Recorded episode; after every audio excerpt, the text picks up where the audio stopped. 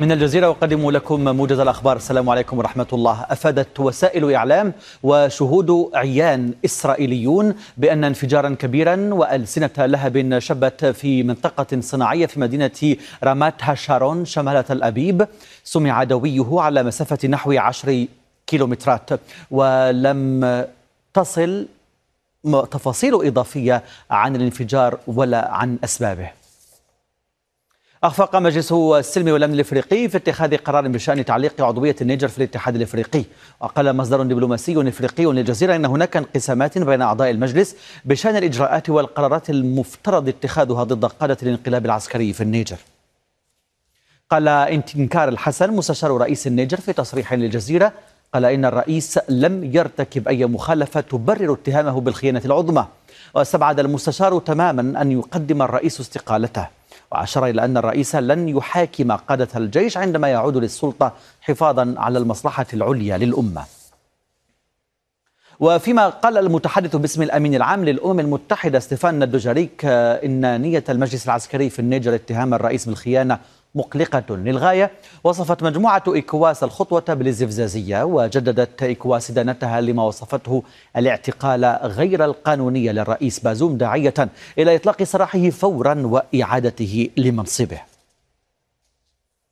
قال نائب المتحدث باسم وزارة الخارجية الأمريكية إن التهديد بمحاكمة رئيس النيجر محمد بازوم عمل غير مبرر وإهانة للديمقراطية. وأضاف باتل أن ذلك لن يساعد في إيجاد حل سلمي للأزمة في النيجر.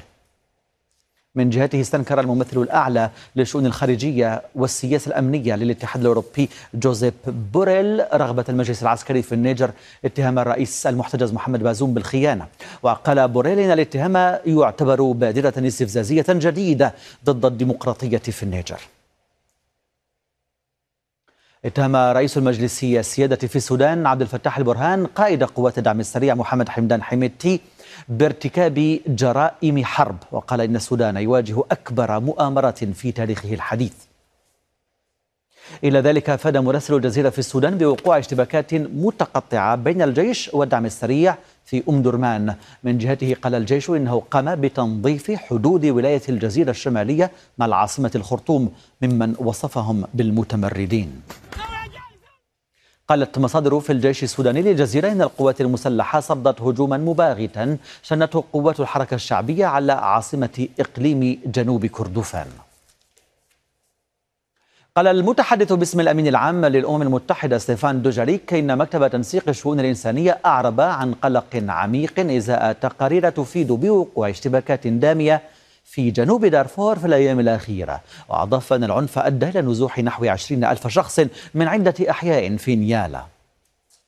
أعلنت الإدارة الإقليمية العسكرية في أوديسا أن القوات الروسية هاجمت أوديسا المطلة على البحر الأسود بالمسيرات والصواريخ.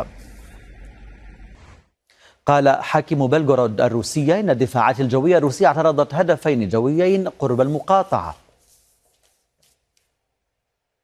أعلن وزير الخارجية الأمريكي أنتوني بلينكين حزمة مساعدات أمنية جديدة لأوكرانيا بقيمة 200 مليون دولار تتضمن ذخائر للدفاع الجوي وطلقات مدفعية ومعدات مضادة للدروع